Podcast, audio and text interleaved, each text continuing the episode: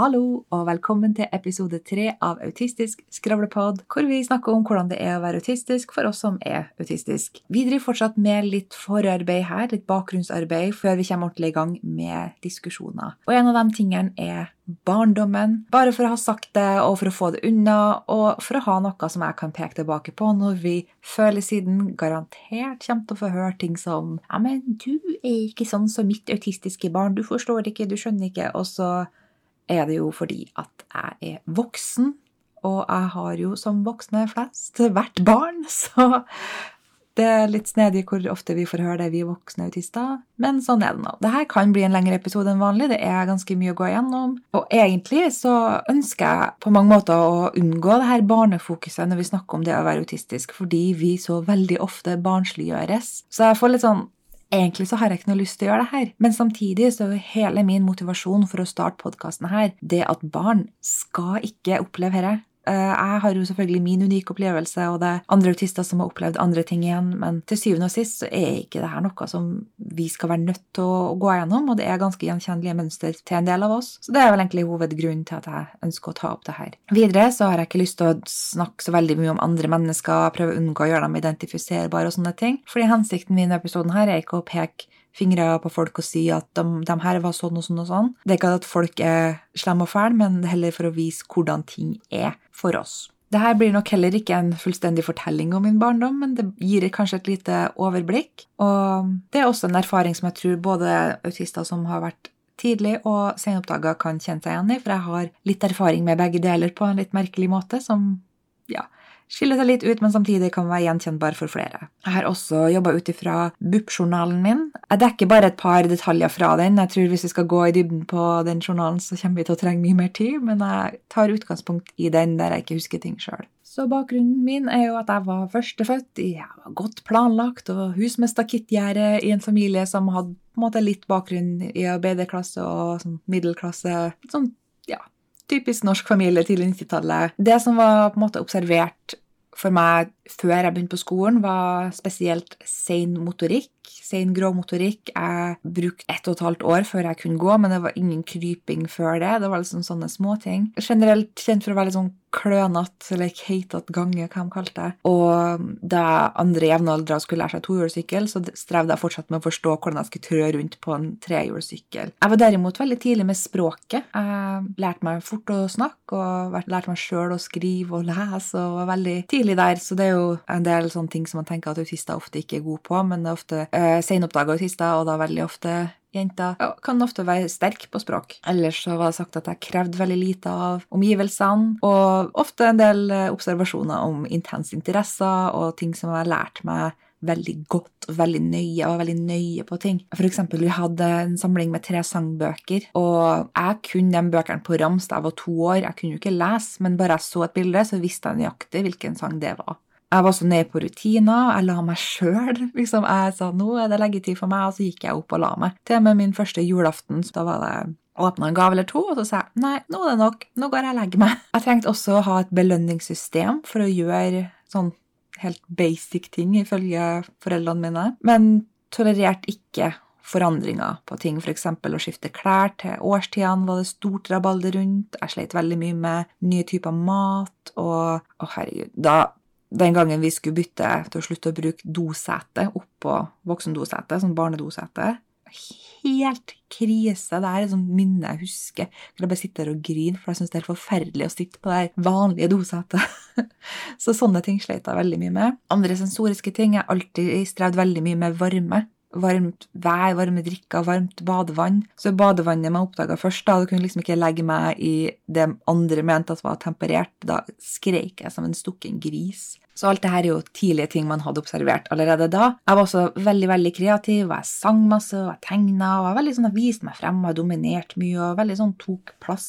Men jeg kunne også være veldig sånn tilbaketrukken, og dialektbegrepet mollefunken dukka opp en del, som på en måte beskriver noen som kanskje er litt sånn, ja litt slapp i uttrykket og ikke sånn helt, helt med, litt sånn tafatt. Men det som skjedde før jeg fylte fem, var at pappa døde veldig uventa. Ikke på en sånn ekstremt traumatisk måte, men det er jo klart det er fælt at jeg mista faren min da jeg var på den alderen. Han var jo på en måte min hovedomsorgsperson, mens kanskje mamma så litt mer etter lillesøstera mi. Og da ble nok en del av de tingene som var annerledes med meg, mye mer synlig for andre folk. Og fordi nå var jo plutselig mamma ansvarlig for oss begge, og så jo mye av det her som kanskje hun ikke hadde lagt så mye merke til før. Og da ble fortellinga på en måte det at det her var min reaksjon på at pappa døde så brått, istedenfor det som har kommet frem både fra mamma og andre siden, at det her var jo alltid til stede. Så jeg skal bruke mest tid i episoden her på å snakke om barneskolealderen, for det er desidert den perioden som preger meg mest, som jeg ser tilbake på som ikke en spesielt positiv tid i livet mitt. Og jeg har fortsatt mye bagasje i dag fra den perioden, og mye av det går også ut på hvordan voksne ikke takla det her spesielt bra, for å være helt ærlig. For det første så var det ikke spesielt opplagt for meg hvorfor jeg egentlig var på skolen. Jeg måtte forklares hvorfor jeg skulle gjøre skolearbeid, jeg trengte insentiver for det. Jeg trakk meg også unna i friminuttet. Heldigvis så hadde vi en veldig sånn friluftslivorientert skole, så det var mange plasser å trekke seg unna. Jeg opplevde også veldig masse avvisning. Det var veldig sånn typisk hvis du gikk bort til tre venninner, da, så spør du om du får være med dem, og så svarer første nei, da må du nok spørre, og så peker hun på hun andre, og så sier hun nei, da må du nok spørre, og så peker hun på hun tredje, som i sin tur sier nei, da må du nok spørre, og så peker hun på hun første igjen. Og så står du der og ikke helt klarer å forklare hvorfor du ikke får være med i leken. Så kommer voksne og skal prøve å presse sammen alle jentene til å leke sammen, og så fungerer det ikke helt. Så jeg foretrakk ofte mer guttevenner. Men på skolen min var det også veldig sånn kontroversielt at gutter og jenter skulle leke sammen. Og jeg husker at jeg var veldig trist fordi at jeg ikke hadde noen jentevenner, men samtidig så var jeg heller ikke spesielt interessert i å være venn med akkurat de jentene på skolen. Og det her vitner om at jeg hadde en bevissthet om at ja, jeg ønska venner og ønska å være sosial, og jeg ønska å høre til, men samtidig så visste jeg at det her var ikke mine folk.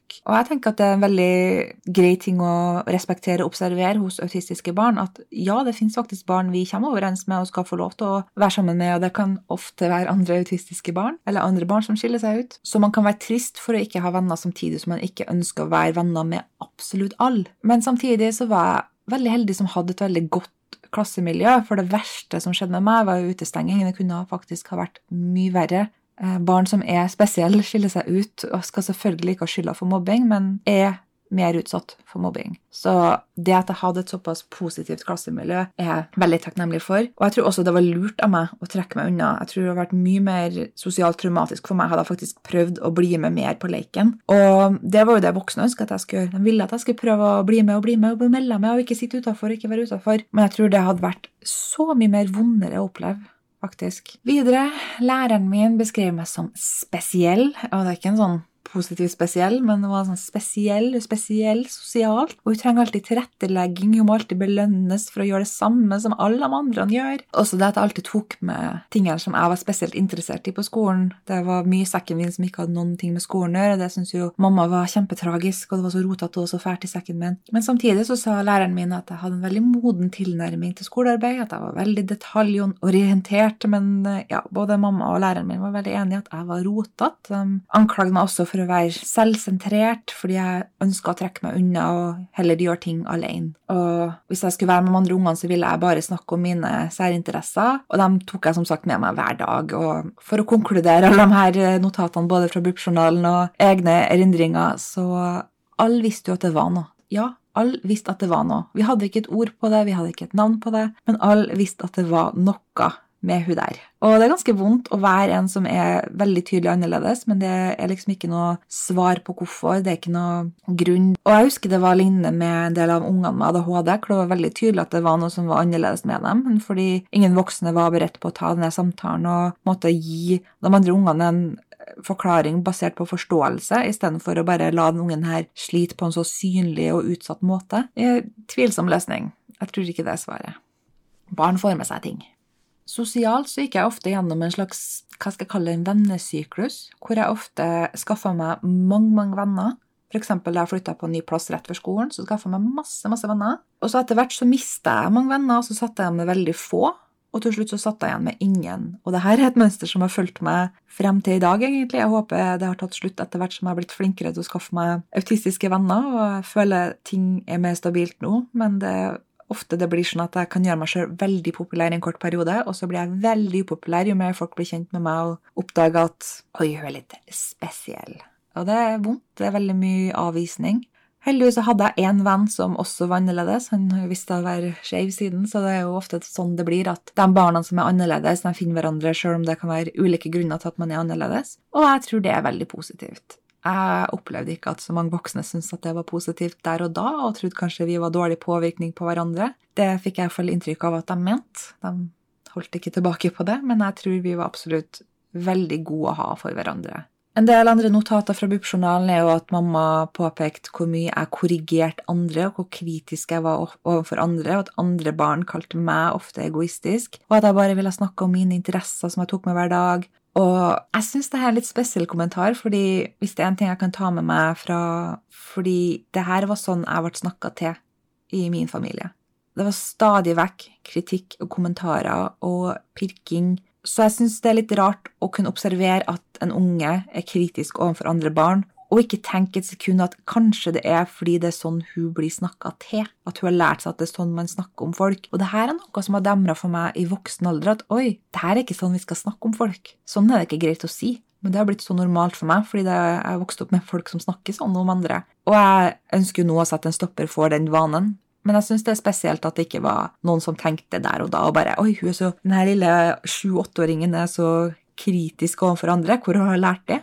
Lærerne påpekte også at jeg misforsto at andre barn faktisk hadde lyst til å leke med meg, og jeg misforsto det som terging. Jeg lurer på om læreren kanskje fikk med seg alt, men uh, hvem vet, kanskje jeg var engstelig uten grunn. Jeg var ofte alene på skolen, og igjen også voksne på skolen oppfatta meg som kritisk overfor andre, og at jeg mente at det var, andre, at det var få av de andre barna som det var verdt å leke med. Og det her tar meg tilbake til den kommentaren jeg hadde før om at vet du hva, autistiske barn vet hvem som er sine folk og ikke. Det har ikke noe med å være kritisk overfor andre barn. Vi skjønner jo det at vi ikke er på bølgelengde med alle, på akkurat samme måte som de andre barna plukke opp at vi ikke er på samme bølgelengde som dem heller. Og jeg hører ikke at nevrotypiske barn får høre at de er så kritiske overfor autistiske barn, men det opplevde jeg absolutt at de var. Men nå skal ikke jeg sitte her som voksen dame i 30-årene og være bitter overfor sjuårige unger. Det er jeg jo ikke heller. Det er bare veldig spesielt at alle kommentarene i BUP-journalen går ut på at jeg var et problem, og veldig få av dem går ut på å se hvordan var folk mot meg. Det var liksom ikke så interessant, det. Mens jeg husker jo sjøl at folk var veldig hard mot meg og hadde veldig lite tid og toleranse for meg og hvordan jeg var annerledes. Det var liksom ikke, det var ikke helt rom for det. Men det verste var hjem. Hjem var alt en kamp. Jeg skulle presses til det meste. At jeg hadde følelser og opplevelser, var egentlig ikke tatt på alvor. Eh, ofte fra større familie så fikk jeg jo høre hvor vanskelig jeg var, og stakkars, stakkars mamma som måtte holde ut med meg det var jo en dårlig skjult hemmelighet. Det har jo vært vanlig for meg å høre mamma snakke på telefonen med andre familiemedlemmer og andre hun kjenner, og bare snakke veldig åpent om hva hun syntes om meg. Og det var få forsøk på å skjule det. Det var noe jeg fikk med meg. Det var også enkelte familiemedlem som fikk lov til å ta raseriet sitt ut på meg og lillesøstera mi. Og det her sitter igjen i kroppen i dag. Jeg føler at hvis jeg nå i dag, som voksen dame, så hvis ikke jeg skjerper meg, så kommer noen til å miste besinnelsen sin på meg. Det er sånn andre folk reagerer på meg. Hvis ikke jeg oppfører meg helt sånn prikkfritt, så får folk lov til å miste besinnelsen sin på meg. Det står altså i BUP-journalen min om jeg kunne være deprimert fordi jeg uttrykte at det ikke var noe artig på skolen, og det var ikke noe artig hjem.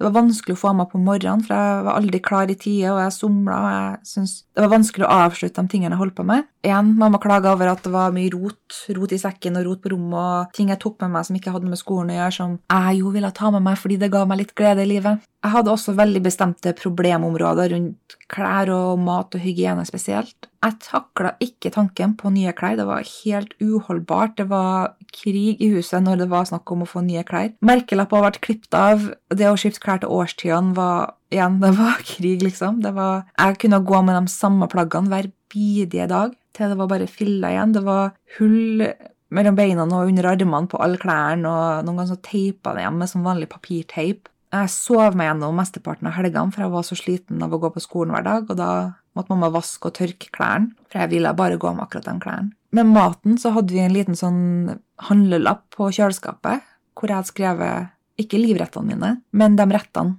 jeg spiste. Alt jeg tolererte å spise, det passa på den lille handlelappen. Det var veldig, veldig begrensa kosthold, fordi jeg takla ikke tanken på å spise mat som jeg ikke var kjent med. Og det handla i all hovedsak om tekstur. Så jeg kunne jo si ting som 'jeg liker det ikke', og så sier voksne 'ja, men du har jo ikke smakt det'. Og det handler ikke om smak. Det handler om tekstur. Man kanskje kjenner lukta også. og Bare klarer ikke å spise det. Det har ingenting med liker ikke preferanse å gjøre. Det er bare jeg får meg ikke til å spise det. Hygiene var absolutt det verste, og noe jeg syntes var flauest å snakke om. Og virkelig noe av det som jeg så ganske bekmørkt på. Jeg skjønte ikke hvordan jeg skulle bli et voksen menneske som skulle ta vare på meg sjøl. Fordi jeg takla ikke tanken på å skulle puste hendene mine sjøl. Hva om jeg gjorde feil? Dusjing alene, det var jeg stor unge før jeg klarte å gjøre. Utedo sleit jeg veldig mye med. Det å børste håret mitt var kjempe, kjempevanskelig for meg, så mamma måtte gjøre det for meg, for det ble så flokete. Og da ble det jo meltdown. Skikkelig eksplosivt sinne. Jeg har ikke lyst til å beskrive det, men det var ikke god stemning. Og i BUP-journalen min så står det at jeg var igjen selvsentrert fordi jeg ville bare akseptere hjelp fra mamma med å børste håret når det passa meg.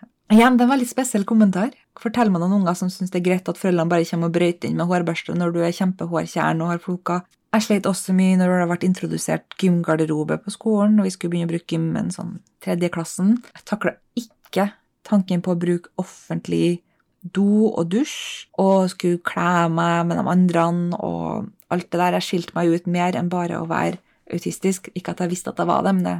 alle skjønte jo at jeg var annerledes. Jeg hadde også mye mer Jeg var rett og slett tjukkere enn de andre ungene. Jeg hadde mye sen gråmotorikk, og det gjorde at jeg ikke hadde samme forutsetningene for fysisk aktivitet som de andre ungene. Men istedenfor at jeg fikk måte, forklart at det her er noe jeg alltid har hatt, så var det her mer vinkla til meg som at jeg var dårlig motorisk fordi jeg var tjukk, ikke motsatt. Så da var svaret at du må jo røre deg mer. Og jeg sleit jo med å røre meg. Så jeg begynte jo å tro at å ja, det som gjør at jeg skiller meg ut, er at jeg er tjukk. Det er derfor ingen liker meg. Og når du er tjukk som unge, så er det ofte også det som voksen, og det har gjort at jeg tror at det derfor ikke liker meg den dag i dag. Jeg vet jo nå bedre. Men det har virkelig satt seg i kroppen på en måte som jeg sliter voldsomt med i dag. Barn prøver jo å finne svar på hvorfor er det sånn som det er. Vi skjønner at noe er annerledes. Og jeg trodde det var kroppen min, så det å skulle bytte klær i garderoben, svømmehallen, alle de tingene der, var helt utholdelig. Og starta jo, vi hadde en hel dag på skolen hvor jeg bare satt og skreik i et rom hvor alle lærerne prøvde å få meg til å gjøre det. Og jeg nekta plent, og har til den dag i dag nekta. Og det var liksom svaret på alt fra voksne. Hun må bare presses til det. Hun må bare skjønne at hun må. Så det var jo ikke lang tid fra jeg begynte på barneskolen til at jeg ble sendt til både hit og dit. Og helsesøster var fast, som jeg besøkte ofte, og hun var god. Jeg unner absolutt alle ei helsesøster som jeg hadde. Dessverre så var hun, tross at hun var kjempegod og et fantastisk menneske, helt overbevist om at alle mine problemer det skyldtes at pappa var død, og hun ville bare bare snakke om det. Jeg husker for eksempel, og det her står også i BUP-journalen, jeg husker det godt sjøl da, at jeg begynte å grine, og hun med en gang bare 'Hva er det? Hva er det? Er det, er det fordi at pappaen din er død?' Og jeg bare 'Nei, det er fordi jeg ikke har noen venner'. Og likevel, fordi jeg, sjøl om jeg sa det her så klart og tydelig, så var hun og andre så overbevist om at mine problemer, det var fordi at pappa var død. Hun var overbevist om at jeg var veldig opptatt av døden. Og jeg syns det er litt spesielt å lese om i ettertid, fordi jeg var jo egentlig bare veldig, veldig, veldig opptatt av Astrid Lindgren og Disney-filmer. Og hvis du har vært borti noen av de historiene, så er jo det historier som har ofte noen som dør. Om det er Løvenes konge, eller om det er Madikken, eller hva det er, så er det ofte noen foreldre som er døde. Og Kanskje det var at jeg var tiltrukket de historiene fordi det var en figur der jeg kunne kjenne meg igjen i, som kanskje bare hadde en forelder. Men jeg var ikke spesielt opptatt av døden, men det var liksom som om folk var så engstelige for meg at jeg var dypt, dypt forstyrra og med mørke, mørke interesser. Så det er jo litt uh, en interessant tolkning. Men ja, videre fra helsesøster så ble jeg sendt videre til BUP, barne- og ungdomspsykiatrien, og tilbrakte nesten et halvt tiår der inn og ut. Fra jeg var sånn åtte-ni år til jeg var 12-13. Og der merka de seg jo som sagt at jeg, de lurte på om jeg var deprimert, fordi det var ikke noe artig på skolen og hjem, sa jeg. Og jeg husker sjøl òg. Jeg syntes ting var håpløst. Jeg klarte ikke å se for meg fremtida mi som et fungerende menneske. Jeg, det her er ikke noe jeg har egentlig innrømt til noen, så det er kanskje litt mer komfortabelt å si på en podkast, men jeg husker at jeg klarte ikke å se for meg at jeg skulle fylle ti år. Hvordan skal jeg komme meg dit? Det, hørte, det føltes så bekmørkt ut. Men så ble jeg jo ti. Og da klarte ikke jeg å se for meg hvordan skal jeg bli elleve. Hvordan skal det gå? Men så ble jeg jo elleve. Og jeg satt igjen med følelsen jeg tror ikke jeg kommer meg til tolv år. Men jeg ble jo tolv, og sånn har det egentlig bare gått. Jeg har bare kommet meg fremover år etter år, og ting har blitt lysere jo eldre jeg har blitt, jo mer selvbestemmelse jeg har fått, og jo mindre press jeg har blitt utsatt for, og får lov til å velge sjøl hva jeg skal utsettes for, og hvilke ting jeg må gjøre.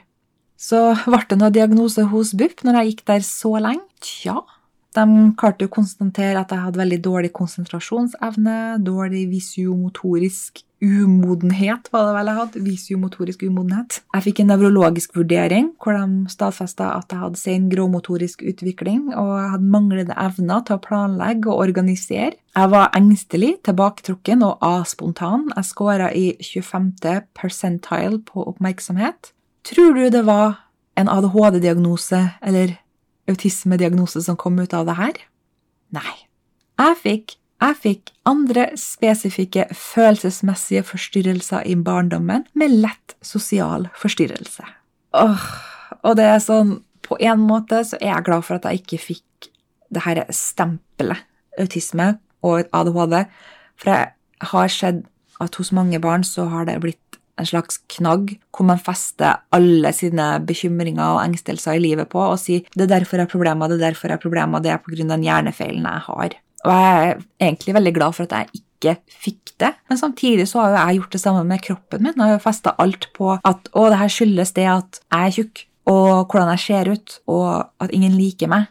Så det beste hadde jo vært, og det tror jeg ikke er et alternativ som jeg hadde, men det beste hadde vært å få høre at jeg er autistisk, og det er det ikke noe galt med. Det er en utfordring i forhold til hvordan verden er laga og satt opp, men at jeg kunne ha fått et autistisk positivt miljø å være en del av, og kjent på at det er en, jeg har en flokk som jeg hører til. For det har jeg oppdaga i voksen alder, og det hadde vært så mye bedre. Men istedenfor fikk jeg ingen svar, ingen forklaring. Jeg fikk ikke engang vite om denne diagnosen og denne vurderinga. Den måtte jeg få da jeg sjøl skjønte som 28-åring at jeg var autistisk, og da bestilte jeg meg BUP-journalen min og leste gjennom sjøl. Og det jeg gjorde hos BUP, det kom egentlig ingen vei. Det bare dabba av etter hvert, så de opplevde at min atferd var mindre problematisk for uh, mamma, for skolen, og da bare avvikla de BUP-ordninga og sendte meg over til støttekontakt. Jeg vet ikke om noen vet hva støttekontakt er, men det er rett og slett det er ganske vanlig for funksjonshemma barn, særlig autistiske barn som sliter med å komme seg ut og gjøre ting sosialt. Så får de en støttekontakt som ofte kan være en hvilken som helst voksen, men kan også være en student som er ute etter å gjøre noe på fritida, hvor de hjelper noen. Så jeg fikk jo to studenter i turorden som tok meg med på kino, på brettspillkveld med studentvennene sine, svømmehall, sånne ting. Så det er jo litt rart da, å ha fått en ordning som ofte gis til autister, og likevel ikke diagnosen, ikke svaret, ikke engang tenkt tanken. Men etter hvert som jeg ble eldre og kom inn i tenårene og begynte å høre om ja, det her med Asperger, var jo begrepet da, og jeg begynte jo å lure om ok, det her er folk som sliter med sosiale ting, øyekontakt Oi, er det her meg? Men alt jeg hørte om Asperger, var jo folk jeg ikke kjente meg igjen i. Det var ofte gutter noen ganger menn, og en del sånn trekk og beskrivelser, og også negative karakteristikker som ikke stemmer, som jeg absolutt ikke ville vedkjenne meg, for det stemte jo ikke med meg. Og samtidig internaliserte jeg jo mye negativt rundt det her, fordi på et eller annet nivå så skjønte jeg nok kanskje at det hadde noe med meg å gjøre. Vi hadde jo som sagt en del unger med veldig sånn synlig ADHD på skolen, og jeg sier de har mye mer synlige trekk enn meg, så jeg klarte på en måte ikke å kjenne meg igjen i det heller. Jeg skjønte hadde ikke tenkt tanken at jeg kunne ha ADHD. Men samtidig så merka jeg at vi hadde en del ting til felles. Det var liksom noe som resonnerte litt. Men skolen var så dårlig skikka til å vite hva man skulle gjøre. Jeg husker til og med dem med ADHD sjøl sa dere vet jo ikke hva dere skal gjøre med meg. De må holde foredrag for skolen for å forklare hva ADHD betydde til de andre ungene, fordi lærerne ikke visste hva de skulle gjøre. Det syns jeg er så hårreisende å tenke på i dag.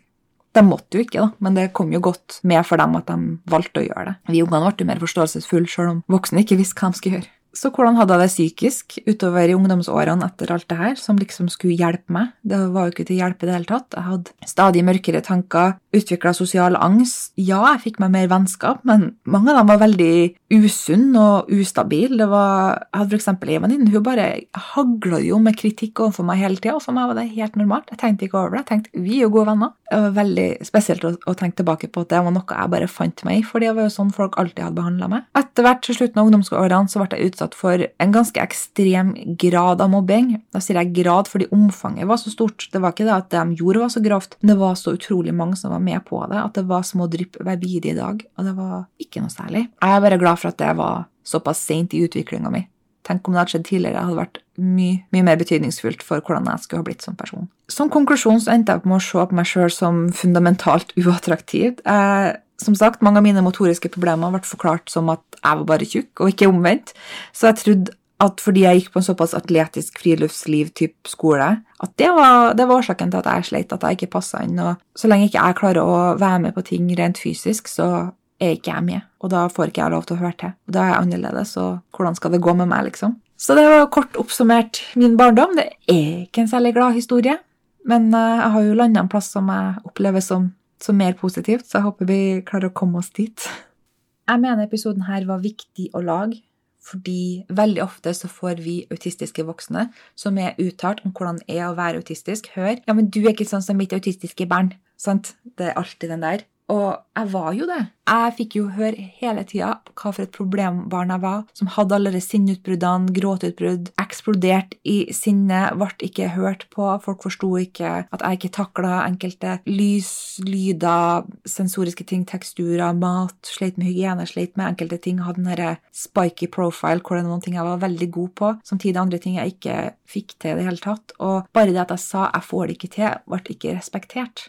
Det har ikke vært en spesielt god barndom. Jeg husker ikke at jeg var særlig glad, men jeg var også veldig resilient på mange måter. Ikke at man skal bruke det som noe grunn til å la barn stå ut med alt mulig, men jeg, jeg, visste hvordan jeg skulle ha det artig, hvordan jeg skulle finne på ting, være kreativ. Jeg og kompisen min vi gjorde kjempemye gøy sammen og gjorde det beste ut av det. Men samtidig så var jeg under et hagl av kritikk fra alle voksne, og det var egentlig voksne som var verst. Altså, Ungene jeg gikk på skolen med, var egentlig ganske fine folk. Det var utestenging, ja, men når jeg tenker tilbake på det som gjorde barndommen min vanskelig, så var det voksne som burde ha kunnet mer og visst hva de gjorde, og jeg håper ting er bedre nå, og jeg ønsker at ting skal være bedre nå. I neste episode så skal jeg snakke litt om hvordan det har vært for meg i voksen alder, hvordan jeg fikk mine diagnoser, og har måttet ha tatt flere runder, både offentlig og privat, og hatt litt variabel ekspertise der. Og når jeg kommer over den episoden, så skal vi introdusere den andre podkastverten, og eh, da skal vi snakke litt om hennes erfaringer rundt det samme, og det blir, det blir, det blir artig